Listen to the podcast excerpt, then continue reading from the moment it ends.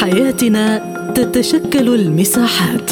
نظل داخلها على اختلاف الثقافات. ولكن في مساحتنا تتحد الغايات. لأننا نغوص في أعماق المجتمعات. فإذا كان لديك وجهة نظر حرة فاهلا بك في مساحة حرة. أهلا بكم في هذه الحلقة من مساحة حرة معكم فيها عبد الله حميد أوضاع مأساوية في قطاع غزة وصلت لها كل القطاعات ناهيك عن الإنسان وطبيعة حياته اليومية التي تغيرت بفعل آلة الحرب. لم يتبقى شيء للسكان يحلمون به للانطلاق مجددا حتى مع الاتفاق على هدنة إنسانية لتبادل الأسرى وإدخال المساعدات كلها تبقى حلولا مؤقتة لا تغير في مسار الحرب. ومن مؤثرات هذه الحرب المخاوف من وقوع فيضان في بركة الشيخ رضوان التي امتلأت بالمياه العادمة ومياه الأمطار مما سيؤدي لغرق أحياء كاملة ونشر الكثير من الأوبئة والحشرات والقوارض. الخطر يتمثل أيضا في وصول منسوب المياه لمستوى حرج بعد تجمع الأمطار وتوقف ضخ المجاري بفعل انقطاع الوقود اللازم لتشغيل المضخات وقصف عدة خطوط ناقلة. هذا جزء بسيط من الواقع لكن الأهم هو الإنسان وكذلك الأطفال. إذا أصبح قطاع غزة المكان الأخطر في العالم بالنسبة للأطفال بحسب مديرة منظمة الأمم المتحدة للطفولة يونسف قتل خلال هذه الحرب أكثر من ستة ألاف طفل مما يشكل أربعين في المئة من القتلى والعدد قابل للزيادة. نتيجة أعداد المفقودين المتزايدة بعضهم على الأرجح لا يزال تحت الأنقاض في ظل أدوات شحيحة لعمال الإغاثة. فأي واقع سيصل له قطاع غزة على المستوى الإنساني والخدمي ومن سيقدم الخدمة بشكل مناسب للأطفال ويحميهم من تداعيات الحرب وكيف يساهم المجتمع الدولي في إنقاذ المستشفيات والقطاع الصحي. في هذه الحلقة من مساحة حرة ينضم إلينا من روما رئيس الرابطة الطبية الأوروبية الشرق أوسطية الدكتور فؤاد عودة. أهلا بك دكتور. بداية في ظل ما وصلت إليه الأوضاع في قطاع غزة ما هي المخاطر الصحية الناتجة عن تداعيات الحرب؟ للأسف الوضع صعب كثير خصوصا بالنسبة للوضع الصحي والإنساني. وصلنا حتى الآن فقط تسع مستشفيات التي تشتغل تشتغل بشكل جزئي. يعني ازيد من 26 مستشفى وقفت عن العمل. ازيد من 52 عيادة رعاية صحية وقفت عن العمل. أطباء بنقص كبير. المستشفيات التي تشتغل بشكل جزئي فقط تستقبل الجرحى. آه، فيش عندنا مواد تخدير العمليات آه، الأطباء يعملوها بدون تخدير. فيش آه، كهرباء عشان عمل غرف الانعاش وغرف الطوارئ. كثير من المرضى بحاجة إلى عمليات جراحية فورا. في نفس الوقت في عندنا كثير من المرضى المسنين والأمراض المزمنة اللي هي بحاجة لادويه خصوصا أمراض القلب أمراض الجلطات الجلطات الدموية أمراض السكري أمراض غسيل الكلية وكثير من الحالة النفسانية. أزيد من 51 ألف مرة حامل بدون رعاية صحية. أزيد من 3500 من المرضى غسيل الكلية اللي بتوفوا لأنه فيش لهم علاج. عشان هيك إحنا سوينا نداء فورا إلى الدول الأوروبية والدول العربية إحنا بحاجة إلى سفن بقرب لغزة عشان نقل الجرحى وعمل العمليات على السفينة زي ما ردت علينا إيطاليا في جوابها. وفي نفس الوقت إحنا بحاجة لمستشفيات منتقلة اللي تغدى موجودة أمام المستشفى عشان نقل بسرعة الجثة لأنه للأسف يوميا بتوفوا جرحى وأطفال ونساء اللي فيش عندهم علاج متوفر وخصوصا عمليات جراحية وخصوصا اللي عنده نزيف داخلي. أو نزيف دم خارجي يتوفى بسبب النزيف لأنه فيش عنده القدرة إنه يعمل عملية جراحية. بركة الشيخ رضوان دكتور امتلأت بالمياه العادمة ومياه الأمطار ماذا يمكن أن ينتج عن ذلك؟ للأسف نقص المياه ونقص الغذاء النظيف آه، اللي غير مت يعني آه، متوفر لهم آه، خصوصا للأطفال والنساء سبب وباء كبير. في عنا أزيد من آه، آه، تقريبا 45 آه، ألف طفل اللي عندهم أمراض الجهاز الهضمي في بارتفاع كبير الوباء الكوليرا أمراض المعدية أمراض الجلد وفي نفس الوقت كثير من الأشخاص عندهم أمراض التنفس والجهاز التنفسي ازيد من 77 ألف حالة عندهم أمراض التنفس. عشان هيك المياه والطوفان بتسبب للأسف زيادة أمراض الجهاز التنفسي وفي نفس الوقت صعوبة الوصول إلى جميع الجثث عشان نقل الجثث لأنه الوباء بارتفاع كبير لأنه في عندنا جثث كثيرة اللي موجودة في الشوارع. وموجودة تحت البيوت اللي صعب نقلها واللي قدر قدروا الأطباء والمساعدين نقلها عملوا حفر جماعية عشان مقبرة جماعية عشان يدفنوا وداخل المستشفى عمرو عملوا مقبرة جماعية عشان مقاومة ارتفاع الأمراض المزمنة. اذا كيف يمكن تبديد مخاطر الصحة العامة في غزة؟ مع تزايد عدد الذين قضوا جراء القصف.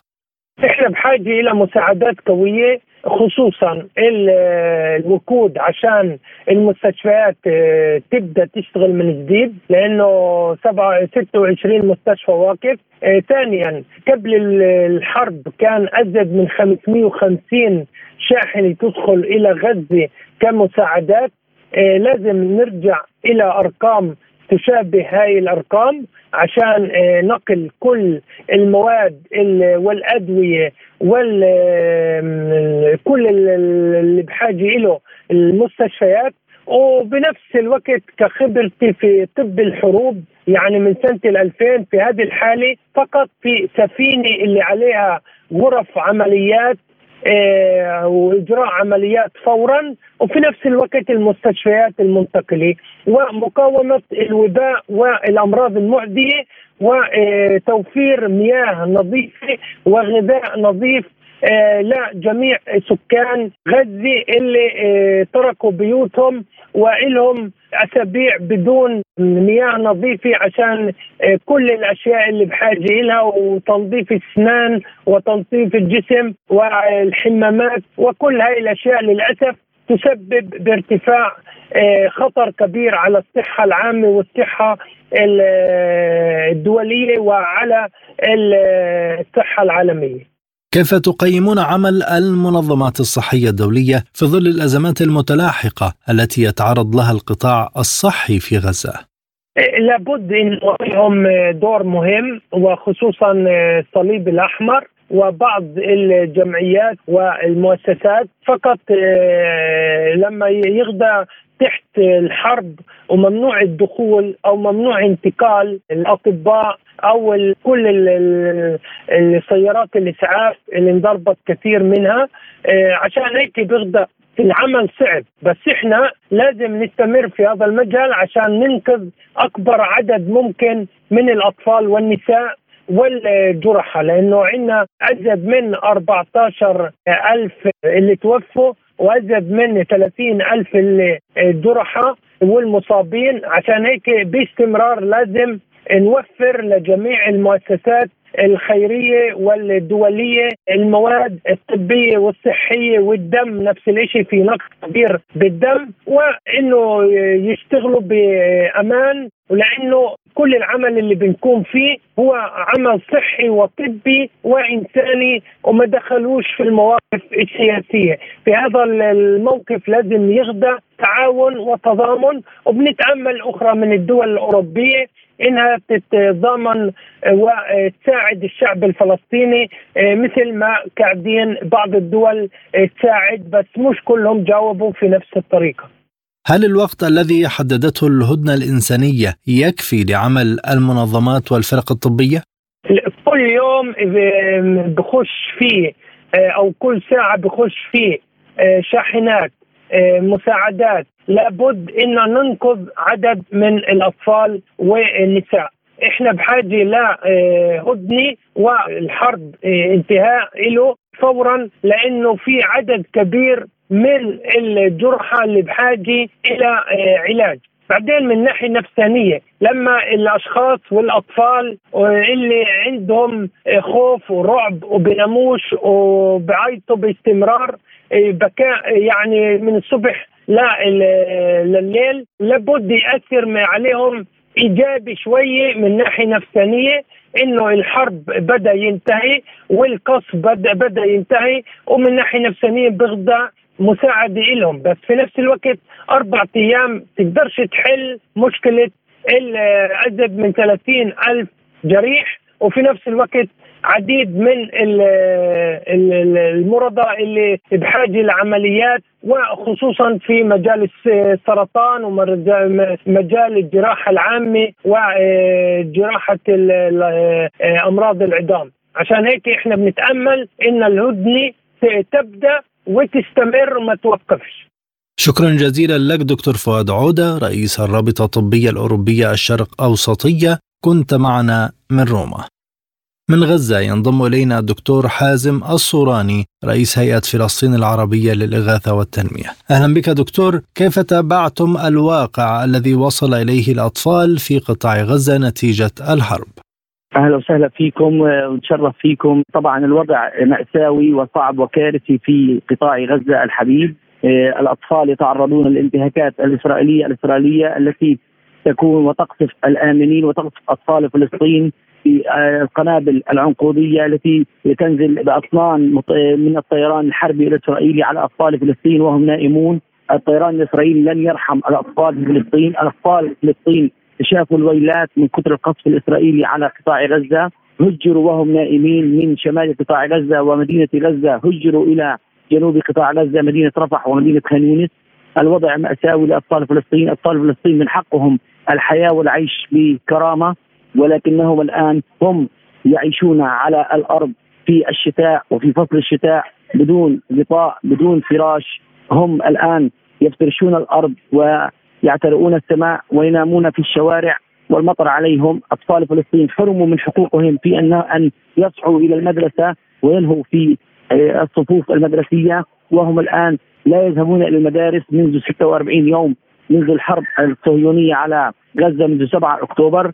الوضع كارثي لاطفال فلسطين والشعب الفلسطيني بأكمله الآن في حرب طاحنة من الاحتلال الإسرائيلي الذي يضرب بعرض الحائط كل القوانين الدولية. ويضرب الآمنين ويضرب المدنيين ويضرب كل من هو على أرض فلسطين وعلى قطاع غزة. إلى أي مدى يتعرض الأطفال للخطر مجددا في قطاع غزة أثناء وبعد الهدنة الإنسانية؟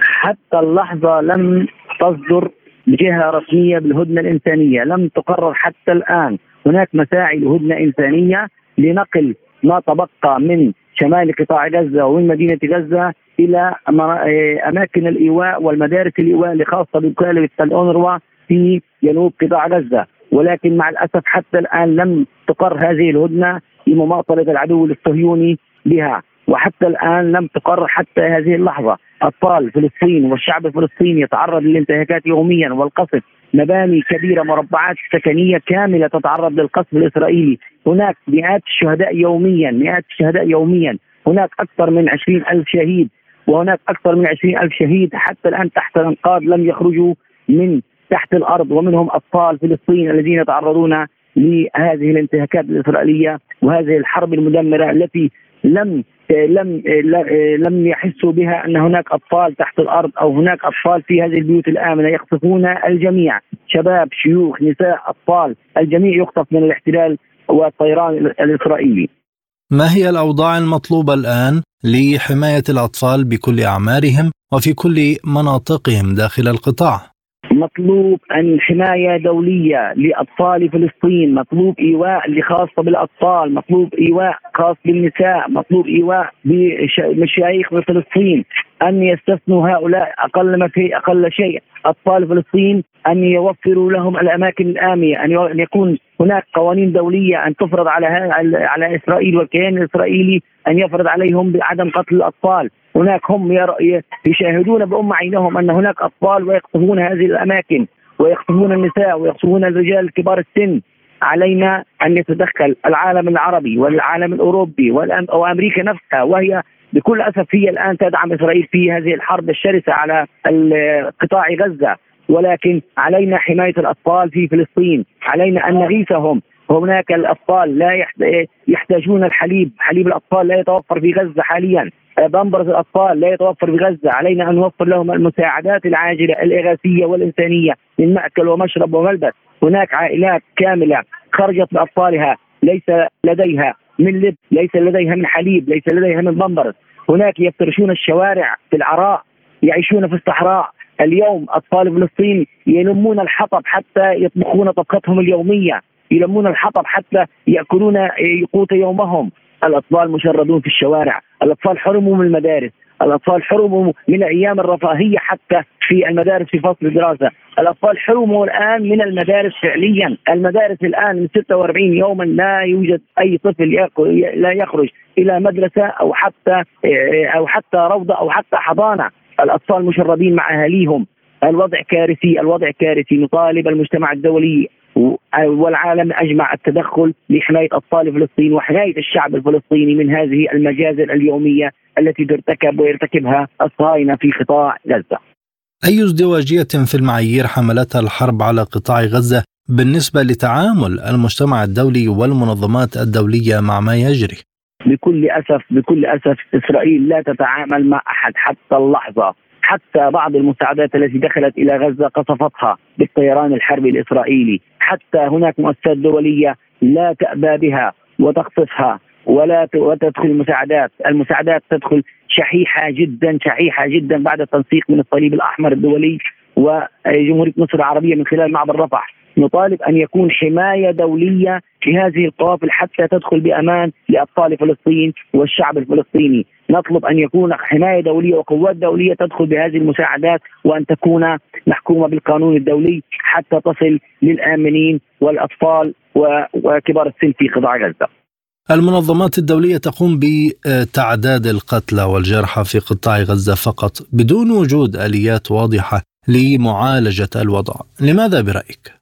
إسرائيل تمنع أي أحد بالتدخل حتى اللحظة إسرائيل تقطع عليهم الأوصال، مؤسسات دولية تريد أن تأتي إلى غزة، هناك مئات القوافل منتظرة في الجانب المصري في معبر رفح البري. ولا تدخل. إسرائيل تخبط بعرض الحائط. كل المؤسسات الدولية وكل المجتمع الدولي وكل وكل وكل الدول العربية والدول الأوروبية. تمنع أي أحد يتدخل لنقل الجرحى، هناك مئات الشهداء في الشوارع.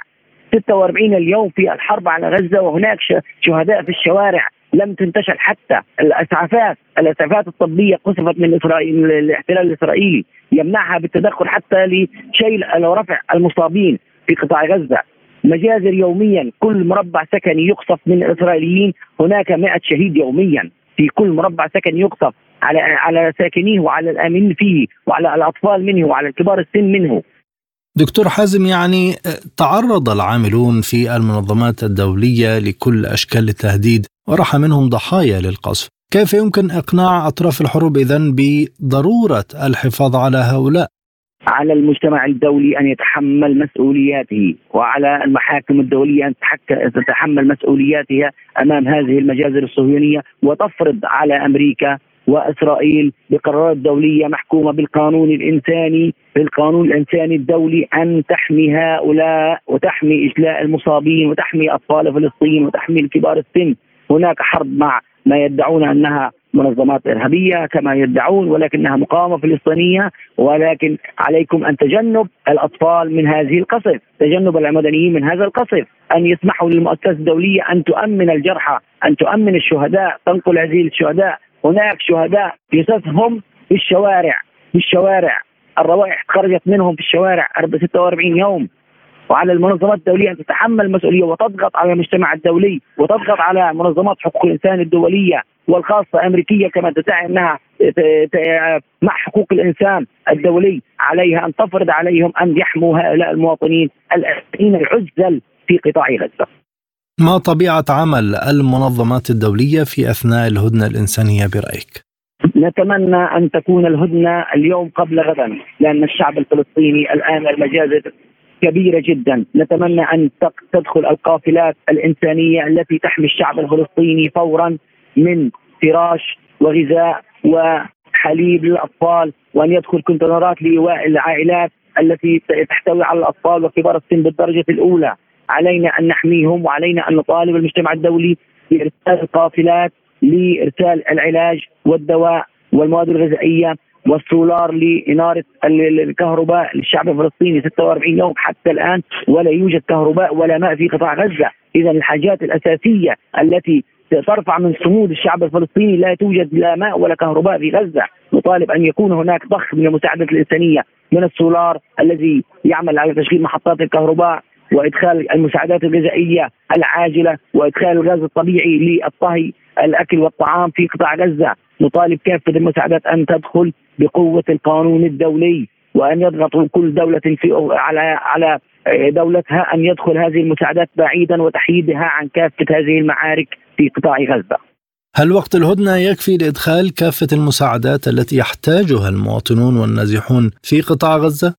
وقت الهدنة حتى الآن لم يحدد. وقت الهدنة كما أدعوا أو كما سمعنا أنهم يقولوا هناك أربع ساعات يوميا. لا تدخل كافة المساعدات. ولكن نقول بقدر المستطاع أن تدخل كما تدخل هذه المساعدات لإيصالها. لكن إذا الوضع الحالي ظل هناك الانقسام في شمال غزة عن جنوب غزة ستكون صعوبة على إدخال المساعدات لشمال غزة، نريد أيضا المساعدات أن تدخل إلى جنوب غزة لمراكز اللواء وأن تدخل لشمال غزة ومدينة غزة لأنها هناك الكثير من العائلات أكثر من 60% حتى الآن هم موجودون في قطاع غزة وفي مدينة غزة والشمال، اذا علينا أن نطالب في هذه المساعدات أن تدخل إلى شمال غزة حتى جنوب غزة إلى خمس محافظات في قطاع غزة عليها أن تدخل وتدخل بقوة وتدخل بعدد كبير لأن الحاجة كبيرة جدا، الحاجة كبيرة جدا، مخازن كبيرة من المستودعات في قطاع غزة فضيت فضيت من مخازنها لا يوجد حليب ولا يوجد أكل ولا يوجد رز ولا يوجد ولا يوجد شيء. كذا الوضع كارثي الوضع كارثي. الناس تفترش الأرض. شكرا جزيلا لك دكتور حازم الصوراني رئيس هيئة فلسطين العربية للإغاثة والتنمية. كنت معنا من غزة. من نابلس ينضم إلينا مدير مركز أحرار لحقوق الإنسان السيد فؤاد الخفش أهلا بك أستاذ فؤاد معنا في هذه الحلقة من مساحة حرة وما زلنا نتحدث عن الوضع الإنساني ووضع الأطفال في قطاع غزة جراء الحرب الممتدة لأكثر من شهر ونصف. كيف تقيمون الأوضاع التي وصل إليها قطاع غزة على المستويات الإنسانية؟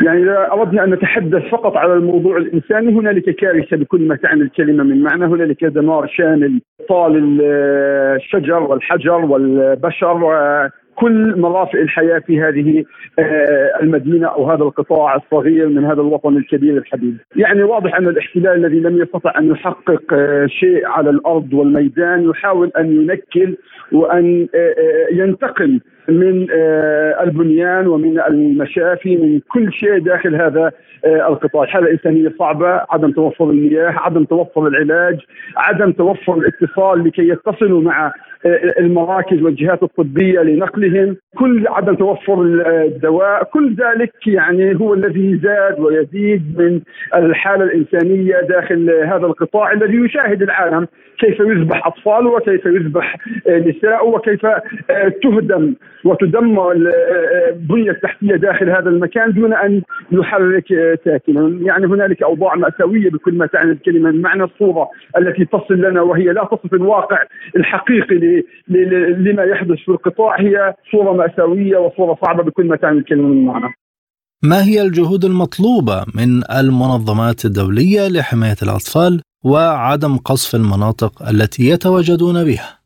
يعني للأسف الشديد المنظمات الحقوقية والدولية في الوقت الحالي تختفي في آه، الشجب والاستنكار والمناشدة والمطالبة بأن يتحسن الوضع وأن يتم السماح بإدخال هذه المساعدات لهذا القطاع، هذا هذه المطالبات يجب أن ترقى إلى مستوى الجرائم التي يرتكبها الاحتلال بحق أبناء شعبنا وتتحول إلى واقع حقيقي فاعل فعلي فعال من خلال إجبار الاحتلال على إدخال هذه المساعدات لهذا القطاع المحاصر. على عاتق من إذا تقع مسؤولية الحفاظ على أطفال قطاع غزة بعد الهدنة الإنسانية وقد وضحت الرؤية كثيرا للمواقع المدنية. يعني في الحقيقة هذه تقع على آه، آه، المؤسسة الأممية التي يعني تدعي وتزعم أنها يجب أن تحافظ على السلم وأن تحافظ على هؤلاء الأطفال. هذه يعني تقع على مسؤولية المجتمع الدولي على مستوى على على مسؤولية الحكومات الكبيرة التي يعني تكتفي بالشجب والاستنكار وتكتفي بالمطالبة. فقط لا غير يعني هنالك واضح أن الاحتلال يتنكر بكل المواثيق والاتفاقيات والقوانين الدولية والأعراف ويتنكر للمناشدات والمطالبات. لذلك يعني يعني هذه المسؤولية على على العالم بأسره تقع. ومسؤولية حماية هؤلاء هي مسؤولية أممية وليست مسؤولية فلسطينية خاصة تقع على عاتق المؤسسة الأممية. لكن المؤسسة الأممية أكدت أن ما يجري جرائم حرب فما الخطوات التالية المنتظرة منها؟ سيدي يعني منذ احتلال هذه الأرض والمؤسسات الدولية والأممية تصدر قرارات وقرارات كبيرة وكثيرة كلها لصالح الشعب الفلسطيني لم يتم تنفيذ أي شيء، إسرائيل دوله تعتبر نفسها فوق القانون وفوق المؤسسات الدولية والأممية ولا تلقي بالا لهذه آه، المؤسسات، لذلك أخذ على عاتقه هذا الشعب أن يقاوم وأن يناضل لأجل دحر هذا المحتل وأن يأخذ حقوقه التي حاولوا أن يسلبوا إياها، نحن الآن لا نثق كفلسطينيين اطلاقا لا بمؤسسات دولية ولا بمؤسسات أممية ولا بدول عربية ولا بغيرها فقط نثق بالمقاومة الفلسطينية هي الوحيدة القادرة على لجم هذا الاحتلال وعلى آه، اخذ حقوق الشعب الفلسطيني التي يحاول هذا الاحتلال أن يتنكر لها بكل ما أوتي من قوة. هل تعتبرون أن هناك تفرقة بين المدنيين في غزة وأي مكان آخر في مسألة الحفاظ على الحياة والحقوق؟ نعم يعني شاهدنا المجتمع الأممي والمجتمع الدولي وكل المؤسسات كيف يعني هب من أجل الأزمة الاوكرانيه الروسية وكيف كان يعني يبكي على ما يحدث في أوكرانيا. وشاهدنا ذات المجتمع وذات الدول كيف كانت تدعم آه، آه، الاحتلال الإسرائيلي من أجل أن يقوم بقتل هؤلاء الفلسطينيين، هنالك ازدواجيه في المعايير، هنالك مزاجية كبيرة في التعامل مع القضايا التي تتعلق بالشأن الفلسطيني لذلك ذكرت لك أن أن الحركة الفلسطينية أو المجتمع الفلسطيني لا يلقي بالا كثيرا إلى هذه المؤسسات التي لم توصفه في يوم من الأيام. مسألة الغذاء والدواء والوقود، هل هناك ضمانات لعدم قطعها مجددا بعد الهدنة؟ لا أحد يستطيع أن يضمن أو يكفل هذا الاحتلال، هذا احتلال مجرم بكل ما تعني الكلمة، معنى احتلال يسعى لتدمير للانتقام كما ذكر آه، كبار قادته من الفلسطينيين. آه، هذا يعني لا يوجد ضمانات. حتى الآن هنالك تلكؤ من قبل الاحتلال في تنفيذ الهدنة. كان من المقرر أن يتم توقيع الهدنة خلال ساعات. الماضية ولكن حتى الآن لم يتم توقيع هذه الهدنة على العكس من ذلك يقتحم الآن المستشفيات وفي هذه اللحظات يتم اعتقال الأطباء ويتم نبش القبور واعتقال وخطف جثامين الشهداء الذين دفنوا وهذا موثق بصور وبشهادات مشروعة من قسم من آه، قبل كثير من الأطباء هذا احتلال مجرم بكل ما تعني الكلمة من معنى. هل يمكن تفعيل أي دور دولي لحماية السكان في غزة بعد الهدنة الإنسانية؟ يعني هذا الذي نامله هذا الذي نطالبه هذا الذي تحاول جهات كثيرة وعديدة تفعيله ولكن باختصار لا ثقة لنا بالاحتلال ولا ولا قناعة لنا أن هنالك من يمكن أن يضغط على الاحتلال ليجبره على القيام بما يجب أن يقوم به اتجاه هكذا حالة وهكذا وضع. شكرا جزيلا لك سيد فؤاد الخفش مدير مركز أحرار لحقوق الإنسان. كنت معنا ضيفا كريما من نابلس.